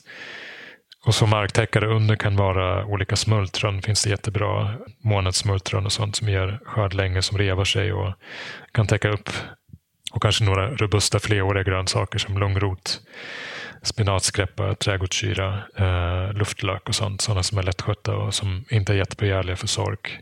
Så kan man skapa sig en liten polykultur som det kallas, då, en samplantering med 5, 6, 10, 15 olika arter på liten yta. Så har man kommit långt och där behöver man inte heller tänka på den näringstillförseln eller att det ska vara någon slags självupprätthållande näringsbalans i det. Utan där är det lätt om man har, har det nära huset att, att bara dumpa lite kompost på det eller hälla ut lite kissvatten eller något sånt där så är det väldigt lätt att, att bibehålla bördigheten också i marken på en sån liten yta. Mm. Bra tips på hur man kan börja litet. Eh, hur stor del av er mat kommer från skogsträdgården? Bra fråga. Um, våra barn är inte så förtjusta i gröna blad så det har blivit, det är också en anledning till att vi inte har fokuserat så mycket på dem nu. Mm. Uh, vi hoppas att de snart ska tända på det. Uh, tidigare när barnen var små och inte fick välja då åt vi väldigt mycket gröna blad från skogsträdgården från tidig vår till midsommar ungefär och sen kom de ettåriga bladgrönsakerna in och så fortsatte vi skörda någon gång slutet på augusti, september ända tills det blev för kallt på hösten och skörda hur mycket blad som helst. Lungrot, trädgårdssyra, spanskörvel, spenatskräppa, Eh, perennkål, både strandkål och steppkål och sånt åt vi mycket. Så det skulle vi kunna vara mycket mer självförsörjande på än vad vi är. Eh, och sen har vi det här nötprojektet eh, som är ständigt pågående. Att få en, en basföda från eh, skogsträdgården så att vi kan byta ut en del av de här eh, spannmålen, alltså ris och, och vete och sånt där, mot någonting som kommer från skogsträdgården. Och i år får vi gissningsvis kanske 10 kilo hasselnötter. Det räcker inte jättelångt, men det är i alla fall en början. Eh, och då är det, är det egentligen bara tiotal buskar som ger skörd, eh, ordentlig skörd. Och så har vi planterat 50 stycken här. Så det kommer bli mycket, mycket mer sånt framöver. Och så valnötterna kommer tillkomma så småningom. Och så har jag upptäckt ekollon nu också för jag har liksom haft någon slags teoretisk kunskap om dem men egentligen inte experimenterat så mycket med dem. Uh, Just det, de nämnde du i början ja, också. Hur, hur äter ni mm. ekollon? Um, vi laka ur dem. Alltså det, det odlar vi inte själva här nu än i alla fall för att eka tar så mycket plats. Jag har någon, någon, någon liten, ja, jag har en del olika arter i plantskolan som jag tänkte testa på en, på en yta så småningom. Men Eh, det finns ju ekar, även här i södra Dalarna finns det ekar som ingen skördar någonting av. Så då eh, skördar man dem nu från någon gång september till oktober och så bör man laka ur de här tanninerna, de här beska ämnena som finns i, i nötterna och det finns olika sätt att göra det på. Eh, både med något som heter varmurlakning där man värmer nötterna till 86 till 95 grader och sånt där. Under 5-6 timmar så sugs de flesta tanninerna ut. Man kan också kallurlaka dem då. Krossar man ekollonen och hänger dem, jag hängde dem i en kallkälla här. Tar man liksom bort skalet eller? Ja, precis. Man, man behöver skala innan urlakningen. Ah. Uh, och allt det där kommer stå i en bok som kommer nästa år som heter Nötodlarens handbok. Uh, som Aha. jag håller på med. Eh, i detalj med alla möjliga urlakningstekniker och recept och sånt. Men, men i alla fall råvaran man får är jättetrevlig att göra med. Den är ganska neutral i smaken. Vissa sorter är lite sötare än andra. Gör man kallurlakning får man något som jag tycker liknar sojafärs, lite så här tuggmotståndare i det. Aha. Och kör man varmurlakning är det mjukare. Då är det mer som köttfärs ungefär, kan det vara till konsistensen. Och sen hitten var ekollonbiffar där min yngste son som är fem år eh, frågade pappa vilken sorts kött är det här? Och han är extremt kräsen. Han, han äter inget som är grönt eller vegetabiliskt helst om det går, förutom pasta. Eh, och att han trodde att det var kött, det, var ett väldigt högt betyg. Och då hade vi egentligen bara smaksatt med lök och lite soja. Eh, och inget annat. Det var ett, ett ägg i också. Det var som vanliga mm. biffar. Liksom. Eh, och det var de kallurlakade? Det var varmlakat i det fallet. Varmlakat, men det kallelakade har jag bakat för då har man kvar lite mer av uh, stärkelsen. Uh, så jag har bakat ekollon-knäcke och ekollonbröd. Jag blandade dinkel med ekollonmjöl. I tror mm. tre, tre delar ekollon och sju delar dinkel. Och sånt där. Det blev jättebra. Jäste hur fint som helst. Spännande. Mm. Så det är en, det är en perenn stapelföda som vi skulle kunna äta jättemycket av över natt egentligen. skulle kunna bli en en stapelföda för, för oss i Norden här också. Ja. Där vi inte behöver plantera så mycket träd för det finns överallt redan. Mm. Just det, vi var inne på hur stor del av eh, mat som kommer från skogsträdgården. Ja, precis. Så det, just ekollon kommer inte från skogsträdgården än, men det, jag, jag, ser inte heller någon skarp gräns utan vi använder också det som, de resurserna som naturen bjuder på med alla, alltså blåbär, nypon är lätt att hitta, eh, havtorn har vi plockat ibland och, och sånt där, lingon såklart, tranbär. Så vi rör oss ganska mycket utanför skogsträdgårdens gräns också, så, så vi är helt självförsörjande på bär. Vi kommer bli helt självförsörjande på äpplen någon gång när de äntligen överlever. Det har fått börja om massa gånger nu, men nu har, vi, nu har de överlevt några år i alla fall. Och vi har 50-60 olika sorter, så det kommer bli mycket äpplen framöver ja, plommon och så vidare har vi mycket också så att vi kan frysa in och torka och allt vad vi gör. Mullbär kan vi torka, har vi ett överskott på. Hasselnötter blir ganska mycket också nu så att vi kan eh, ha det som en del av kosten, inte bara som godis ibland sådär, utan 10 kilo är ändå något som, som betyder någonting och vi skulle kunna vara helt självförsörjande på gröna blad. Så det är, en, det är en hel del. Så det vi odlar eh, utöver det vad gäller ettåriga grödor, det är tomater, det är paprika, lök och där odlar vi framförallt um, potatislök som är nästan som en perenngröda. Uh, mm. Men det odlar vi i vanliga bäddar. Och så odlar vi kål och rödbetor, uh, purjolök också. Mm. Um, men ganska lite egentligen ettåriga grödor. Lite bönor, lite ärtor. Eh, de, de här andra odlingarna, har ni dem liksom i trädgården eh, närmast huset? Nej, det är, det är väldigt dåliga odlingsförutsättningar och vi försökte odla här i början. Det här är någon slags stenig morän som vi, eh, där, huset står. Eh, det fanns ingen mullhalt överhuvudtaget, ingen jord egentligen. Det var bara sten och grus och eh, sånt. Så att vi, det var en uppförsbacke att odla här så att, så att vi har flyttat alla, alla ettåriga land till Skogsträdgården också. Mitt i mm.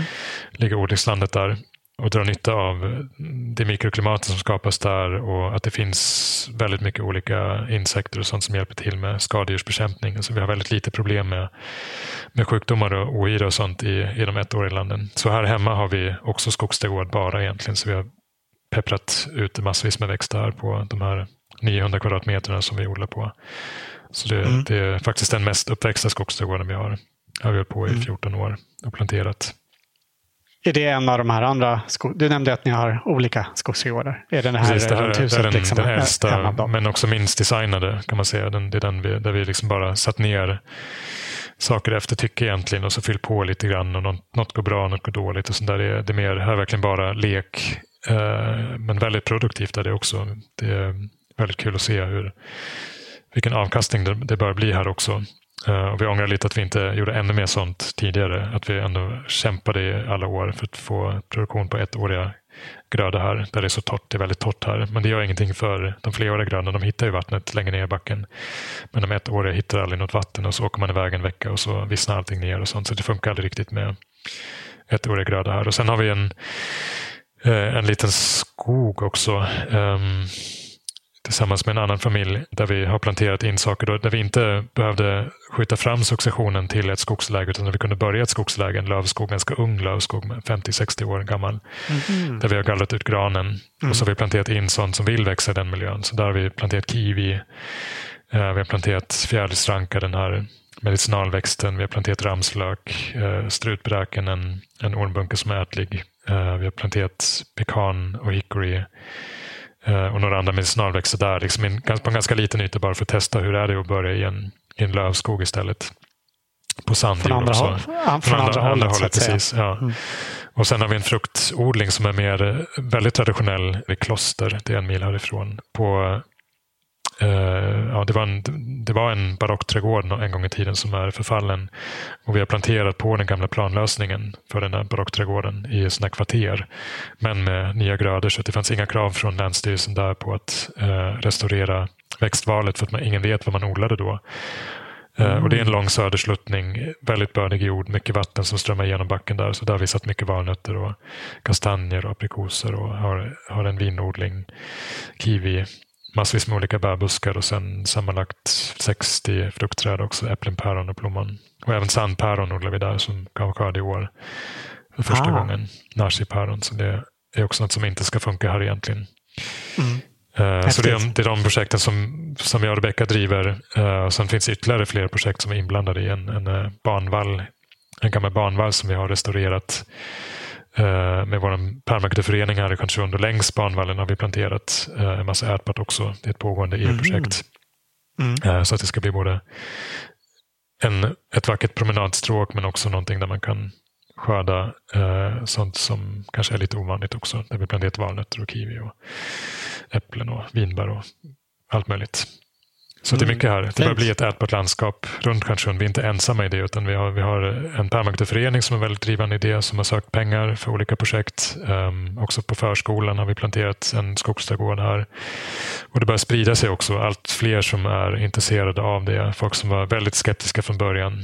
Uh, bönder som har börjat bli kunder i vår plantskola och sånt som har börjat köpa på sig massa nötter och sånt tycker det är jättespännande eller fruktträd och så.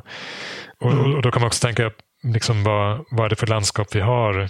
Alltså landskapet är så hårt brukat i Sverige, i st stora delar av Sverige. Mycket kalhyggen, väldigt hårt skogsbruk och sånt. Och ibland så ifrågasätter folk det här med, med det ätbara landskapet. Tänk om det sprider sig ut i naturen och så frågar man var, var är naturen någonstans? Uh, finns det någon natur egentligen? Det är så liten riktig natur kvar.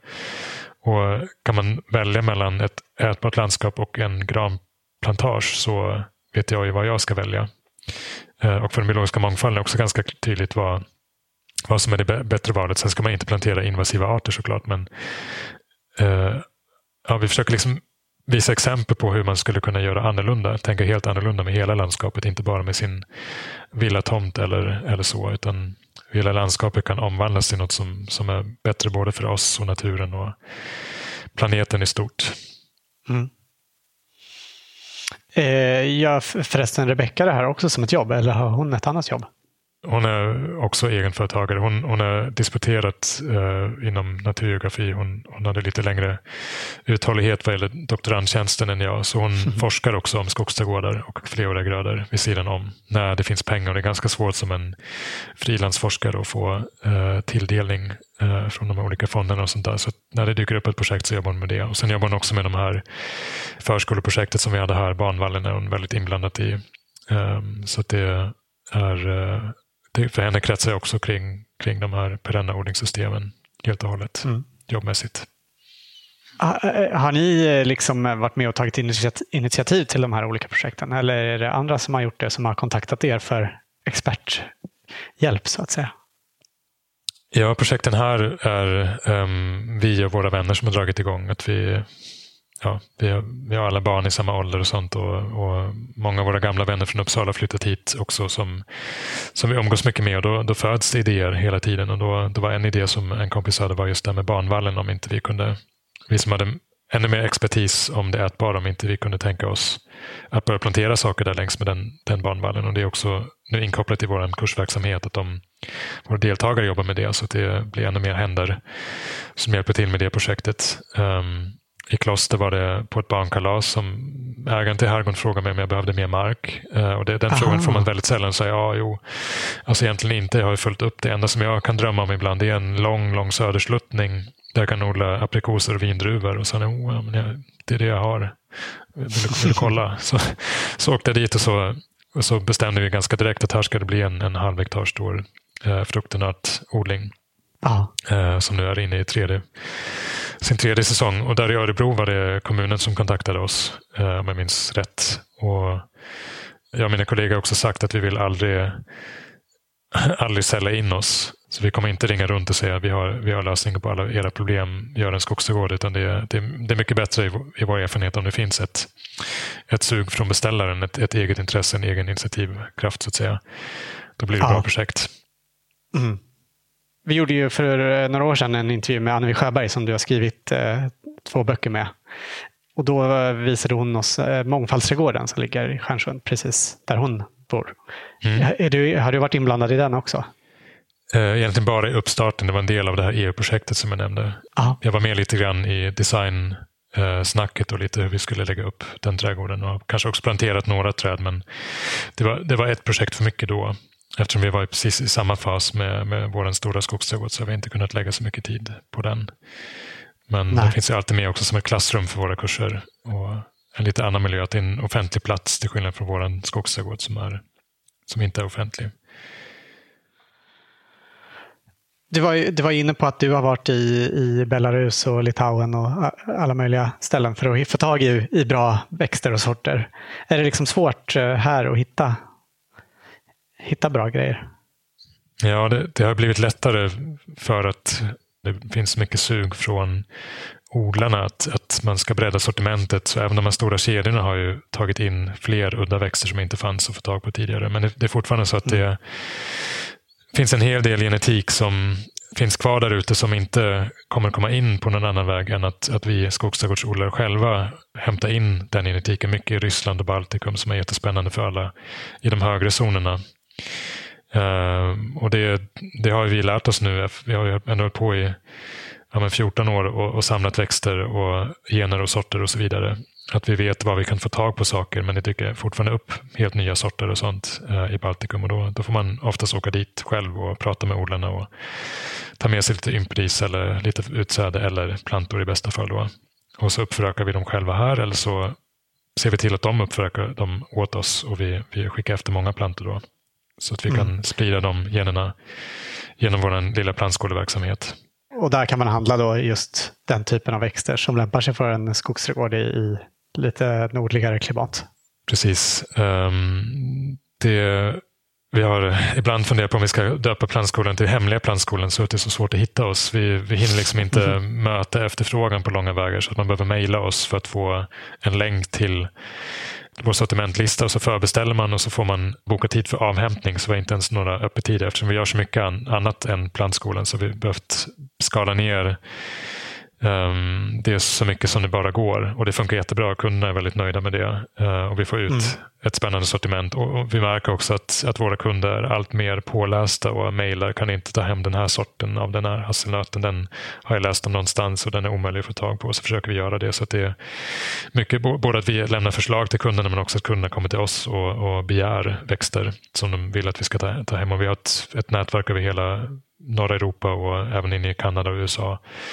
Eh, där vi kan få tag på det mesta, tror vi i alla fall. Så eh, deltar vi alla i ett jättestort experiment egentligen, ett växtförädlingsförsök där vi testar alla de här, de här sakerna. Vi har också koll på vilka som har köpt vilka växter under åren och sånt. Vi förbokar över det just för att kunna kontakta ah, ja. folk och se men hur har det gått för dig med den växten som vi hade det året. Så vi kan följa upp det så att vi Ja, det är liksom inte bara att, för oss att tjäna pengar utan det är väldigt mycket också att bygga kunskap runt om i landet. Mm. Ambitiöst. Ja, det är alltid med tiden. Hinner man med att följa upp eller inte? Är liksom eh, det här med skogsträdgård eller, eller liknande system stort i nordöstra Europa? Eh, de, de vet nog inte vad det är för någonting oftast, men de gör det väldigt mycket. Framförallt på de här datchorna har vi sett när vi reste runt där att, att det är skogsträdgårdar och folk mm odlar lite ettåriga grödor och väldigt mycket fleråriga grödor. Som gör precis det som vi har gjort här hemma också. Att vi bara fyller hela trädgården med, med träd och buskar och så har vi lite annat däremellan. Nu har vi inte vi så mycket ettårigt men de har, har sen små, små ytor till kål och morötter och sånt. Så att de är självförsörjande på de här vanliga grönsakerna. Sen har de kompletterat med en massa godsaker och, och även stapelgrödor. Både valnöt, hasselnöt, eh, aprikos är väldigt populärt i, i Baltikum. Eh, lite mullbär ibland kan man hitta och sånt. Mm. Uh, och så har de istället för att ha fleråriga grönsaker så har de ofta fåglar i, i istället för ett örtskikt har de fåglar i det lägsta skiktet som pickar upp fallfrukt och frön och dagmaskar och sånt. Så det är också en, en spännande variant på det med skogsträdgårdsodling att man, man släpper in gäss och höns och sånt i det. Mm. Uh, så det, det är vanligt förekommande där men de kallar inte det för skogsträdgård utan det är bara så man gör. Ja. Har du exempel på andra ställen i världen där det är stort med skogsträdgård eller liknande, liknande odlingssystem? Det är väldigt vanligt i tropikerna där man hållit på med det här i tusentals år. Eh, det finns en lång kontinuitet att man odlar sin mat eller får sin mat från skogsliknande ekosystem i olika skalor. Och sen har vi de här nordamerikanska ursprungliga odlingssystemen som både fanns i mindre skala som är regelrätta skogsträdgårdar. Man hade samlat ätbara växter och, och planterat dem som ekosystem. Och på östkusten var det mer på den stora skalan att man har liksom påverkat landskapet genom att gallra fram de bästa träden. Och, eh, det fanns vissa folkgrupper som alltid planterade nötträd vid sina lägerplatser när de reste, nomaderna som reste runt i landskapet. De hade alltid planterat pekannötter, då, en folkgrupp, då, i, i sina lägerplatser. Och då kunde man återvända dit och skörda pekannötter just när det var tid för det. Och mm. ha läger där i några, några veckor. Och sånt. Så det är också en, det är samma grundidé fast i en annan skala, i en, i en annan värld där man kunde röra sig helt fritt. Mm. Så det finns i alla, nästan alla kulturer där, där det kan växa träd och buskar så har man tänkt på det viset att man främjar det som är gott och ätbart. Och, men i Europa har vi glömt bort mycket av det. Mm. Ja, I Spanien finns det fragment av sånt. Östeuropa mycket sånt. I Tyskland börjar det komma fram igen. I Storbritannien är det mer att man de har kommit väldigt långt med det. Det finns jättemånga skogsträdgårdar men de är mer nyskapta utifrån den där pionjären Robert Hart som är på, på 80 och 90-talet. Mm. Och föra fram de här idéerna. Och så, där. Så det finns ju. Sa du att det var han som myntade begreppet skogsträdgård? Eller ja, precis. Jag, jag, kanske aldrig nämnde honom. Robert Hart hette han. Uh, han var um, en, en, lite udda fågel som, som på något sätt uh, la ihop permakulturtänk och agroforestry uh, och försökte applicera de tänk, tankarna på, på sin gård någonstans i sydvästra England och döpte sen till Food Forest eller Forest Garden. Jag minns inte vilket begrepp han använde i sin, sin första publikation om det. Så han var ju den, den stora inspiratören för många av pionjärerna både i USA och England. Då. Uh, och så har det liksom spridit sig och skapats egna ja, varianter på det i olika världsdelar. med, med hans ja. grundtanke. Men grund, den allra första grundidén är som sagt mycket, mycket äldre. Det är med att han har plockat upp den idén igen. Ja. Eh, 10 000 år senare, lite grann så. I Europa i alla fall. Mm. Du har väl antytt lite att intresset för skogsträdgård ökar och eh, det är också min känsla. Och er bok Skogsträdgården som kom 2018 känns som den har blivit väldigt väl mottagen. Eh, håller du med om att det finns ett ökande intresse för skogsträdgård? Absolut, enormt. Um, det finns en Facebookgrupp som heter Skogsträdgårdsodlarna som låg runt 50-60 medlemmar. Uh, första året var ingen större tillväxt. Det var en gammal kursdeltagare till mig som grundade gruppen. Och sen började det öka sakteligen. När boken kom så exploderade intresset. Mm. När grundades gruppen? 2015 tror jag var det. Uh, och idag är det, jag tror det börjar närma sig 8-9 tusen medlemmar i den gruppen. Så det, har växt enormt och, den, och det som boken har bidragit till är dels att, att vi har nått en bredare publik som vi inte kunde nå tidigare med våra inkörda kanaler. Eh, men också att, det, att hela idén har fått en helt annan trovärdighet. Det var ju liksom väldigt så marginellt i eh, någon slags väldigt alternativ odling med hippiestämpel. Men, men att, att den boken är faktabaserad med eh, kanske 800 referenser till rapporter och, och studier och sånt där i boken ge den en trovärdighet och ge hela idén en trovärdighet som har hjälpt väldigt mycket just vad gäller såna offentliga planteringar och att intresset bland skolor och förskolor och parkförvaltningar och så vidare har ökat väldigt mycket och att jag får istället för att stå i en, i en tältkåta med fem andra nördar och prata skogsträdgårdsodling så, så kan jag stå där i, i finkläder i tjusiga, tjusiga lokaler och prata med massa landskapsarkitekter och stadsplanerare och sånt där.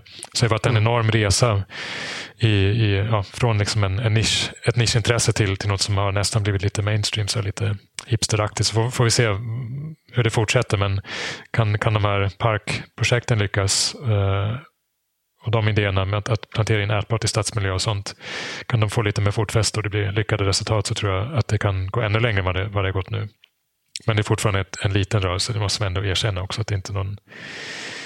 Jag kanske tog i lite innan jag sa att det här var mainstream nästan, men det, det, det i alla fall har lämnat sin, sin lilla nisch i alla fall, det kan man absolut säga. Mm. Och boken har ju sålt väldigt bra också. Det är långt över förväntan. Alla trodde att det skulle vara en, vara en sån där hyllvärmare, men, men eh, det, det har det inte varit. Nej. Det är ett imponerande verk får man säga. Tack. Fattar själv inte riktigt hur det gick till. Ibland. Nej. Mm. Du sa ju att du började med det här för att du ville göra något eh, konkret i kontrast till den hopplöshet du kände när du jobbade på Vattenfall. Tänker du fortfarande att det är helt kört eller har du hittat hopp om att vi ska kunna vända utvecklingen i det här att göra något positivt själv? Ja, men det, det, är lite både och. Alltså på ett sätt när man kollar på nyheterna och, och följer, alltså, särskilt i år när det var så mycket översvämningar och bränder och extremtemperaturer. Det här är liksom, nu är vi mitt inne i det här som var långt bort för bara tio år sedan. Eh, så känns det rätt hopplöst på ett sätt. Samtidigt så måste ju det här föda något helt nytt. Och där vill jag gärna vara med och bidra med, med mina perspektiv på det nya som kan växa fram ur den här ja, vi måste ändra oss, vi kan inte hålla på med det här. Och där kommer det, det systemet som vi byggt upp med, med evig tillväxt och överkonsumtion, allt, allt det där, massa utsläpp och resande hit och dit, det kommer ju braka ihop vare sig vi vill eller inte. Och nu är det vissa krafter som försöker upprätthålla det så länge det bara går. Och det är glädjande nyheter att äntligen har res, antalet resenärer på Arlanda ökat igen och sånt. Gud vad, vad bra för flygindustrin. När vi egentligen borde stänga ner hela den industrin så direkt och stänga ner alla flygplatser. Det är det enda rimliga egentligen utifrån den, mm. det läget vi lever i. Borde förbjuda kalhyggen direkt. För det enda rimliga utifrån eh, att vi måste fånga in en massa koldioxid och sånt där. Men det här systemet kommer ju inte kunna fortleva.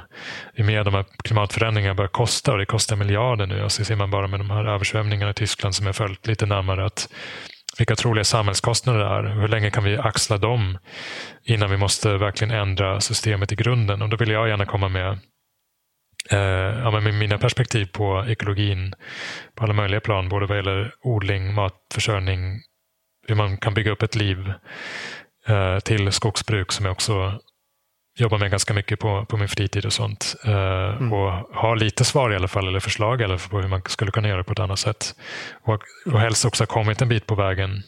Uh, åt den riktningen så att vi inte börjar från noll när insikten även hos politikerna och beslutsfattarna börjar komma att, att vi måste ändra det här radikalt. Mm. Men utifrån trenderna så ser jag inte att det är särskilt mycket hopp just nu om att det kommer vändas av egen vilja, utan det tror jag man kommer tvingas till för att det bryter ihop ekonomiskt. Mm. kommer inte gå att upprätthålla det här i längden. Nej. Jag tycker sättet som du pratar om skog på väldigt tydligt illustrerar eh, varför vi inte kan, eh, liksom, varför vi måste ändra systemet helt och hållet och inte bara kan liksom, ändra oss inom systemet. För att eh, allt, allt ska liksom ersättas med skog. Vi ska ersätta mm. all plast med pappersförpackningar. Vi ska bygga med trä istället för cement. Vi ska göra kläder av eh, av eh, träd. Vi ska eh, använda det till biobränslen. Och samtidigt så vet vi att vi måste skydda mer skog mm. för att eh, upprätthålla den biologiska mångfalden. och kolinlagring liksom för en del. Ja, exakt. Det funkar inte. Det, det kom in en studie här i, i somras också om hur mycket koldioxid ett, ett kalhygge släpper ut. Mm. Och även om alla, allt virke man plockar ut skulle bli långlivade produkter, som är ofta det man pratar om att det måste bli mer långlivade produkter, så är det en, en stor negativ koldioxidskuld. Att det är bara med hyggesfria metoder som man kan få en, en uh, positiv kolinlagring. Mm. Nettokolinlagring om, om, om, och de måste ändå bli långlivade produkter och sånt där. Så att det, det vetenskapliga läget är ganska tydligt där. Det är bara att den här industrin är så otroligt stark och mm. djupt rotat i de stora politiska partierna också har enormt inflytande på det. När egentligen det är ganska lätt att lösa problematiken och att offra den industrin helt enkelt. Det vi skulle behöva göra direkt. Mm. Bygga upp något helt annat. Det får vi se hur det går. Det, är egentligen eh, alltså de processerna med lobbying och eh, politik som skyddar de intressena påminner rätt mycket om hur oljeindustrin har fungerat i de länder mm. som har mycket mm. olja. Ja. Och inom oljeindustrin känner man till liksom klimatförändringarna redan på 60-talet. Mm. Men först på kanske 90-talet blev det känt för allmänheten. Och ja. Först ytterligare 20 år sedan senare börjar politikerna eventuellt reagera lite grann. Liksom. Ja, ja. Eller tobaksindustrin också, att man har sagt att det är bra för ja, hälsan att röka. Liksom, det är exakt samma mekanismer, mm. samma pengaflöden, eh, samma maktetablissemang och så vidare. Ja. Och med den erfarenhet borde man egentligen sätta stopp för det ganska omgående och hårt. Verkligen. Mm. Och det, det borde folket kunna stå för också, för det, det är helt inacceptabelt. Det är liksom den största kolsänkan i Europa, de svenska, den svenska skogsmarken och så skövlas det i allt större takt. Eh, mm. Det har ju, nu två år på raken har ju eh, avverkningssiffrorna varit, varit, i, eh, topp, varit toppnoteringar. Mm. Största avverkningen någonsin i svensk, svensk historia två år på raken och 2021 kan nog toppa det ytterligare en gång. Mm. Uh, och det, det, måste bara sluta nu. Liksom. Det finns, vi har inget val egentligen. Nej. Är det någonting mer som du skulle vilja att vi pratade om innan vi slutar? Uh, en sak um, som jag tycker är viktig, som var, var, väldigt svårt för mig också att släppa och det är just det här kontrollbehovet som man gärna har med sig när man kommer från odlingsvärlden, att man vill kontrollera odlingen och allt det med ogräsrensning och vattning och liksom allting måste bli Ja, jag måste ha kontroll. Lite, lite trädgårdsdiktatoriska som väldigt många har, har i sig, inklusive jag själv också. Att, att släppa på det och ha mer tillit till att naturen kommer att sköta odlingen eh, och vara ödmjuk inför det också, vad, vad naturen själv hittar på för, för lösningar. Mm. Eh, det vill jag gärna skicka med, att tänka på det, att reflektera över det i alla fall. Gör jag det här, den här åtgärden för att jag har lärt mig att det är så man ska göra eller är det så att det verkligen behövs? Det som jag tänker göra nu. Ta, mm. ta ett steg tillbaka och reflektera över det. Det är ett mentalt paradigmskifte som, som det innebär att gå från vanlig odling till skogsträdgårdsodling. Där just mm. kontrollbehovet mm. är ett stort hinder egentligen för att kunna, att kunna utveckla det på ett bra sätt. Det är ett jättebra tips. Och det har kommit väldigt många bra tips här under programmets gång. Men vi har en liten tradition att vår medverkande alltid får avsluta med sitt bästa odlingstips. Har du något som du vill lyfta fram som, som ditt bästa tips? Ja, alltså just med skogsträdgården så tänker jag eh, att mitt bästa tips är att, att ge er ut i naturen och i riktig natur som inte är så mycket, där, liksom den mänskliga inverkan har upphört och med öppna sinnen både naturskogar, urskogar, men också igenväxande ytor och sånt där. Och bara se hur, vad skapar naturen själv? Vad är det för dynamik som försiggår där? Och hur spelar vattnet och vinden och ljuset in? Eh, placeringen i landskapet, hur påverkar det? Är det en dalgång eller en, en sluttning, ett berg och så vidare? Eh, för det som jag sa tidigare också om, om mina barndomstrakter som är som en öppen bok så är landskapet runt om oss som en öppen bok, som en lärobok i skogsträdgårdsodling. Framförallt mm. där ekologin får utvecklas fritt, mer eller mindre ohämmat. Det är otroligt lärorikt. Uh, så det, det, är, det är mitt bästa tips. Gå ut i naturen med helt, helt öppna sinnen och försöka ta in allt och lära, lära er av naturen för era egna odlingar så kommer de bli mer hållbara i längden. Det tänker jag kan, är mitt bästa tips just nu. Mm. Det är ett jättebra tips. Eh, jag tänker att eh, kanske inte alla idag ser vad som är riktig natur. Alltså om man tänker sig en, en skog, så är de, du var ju inne på det, att de flesta mm. skogar är ju snarare granplantager eller kanske tallplantager. Men eh, har du något tips på hur man, hur man hittar riktig natur? Mm. Eh, ett väldigt konkret tips. Det finns en tjänst som heter Skogens pärlor som Skogsstyrelsen har Eh, en karttjänst. Så där kan man gå in och hitta nyckelbiotoper, kallas de. Alltså, mm, ja, så naturliga som de kan bli. kan ju vara gamla brukade skogar som, men som har fått utvecklas fritt under ett antal år med, med höga naturvärden. Eh, alla naturreservat finns med där. Det finns också med biotopskyddade områden och så vidare. Eh, och där finns det, det, är inte bara skogar, det kan också vara såna här gamla ängsmarker och sånt som, som har naturvärden. Allt det här framgår av den här tjänsten Skogens pärlor. Så om man, om man söker på det bara så kommer man fram till den tjänsten och kan hitta riktig natur i sin närhet och börja, börja i den änden. Och, och, när man väl har fått upp ögonen för riktig natur så bör man se den även där den, den inte är skyddat formellt idag. Uh, och kan hitta de här fickorna där naturen har fått utvecklas fritt och, och lära sig av det, det som händer där. Mm. Ännu ett bra tips. Du, tack så jättemycket för att du tog dig tid för att vi fick prata med dig. Det var väldigt spännande. Tack själva. Jättekul att få komma.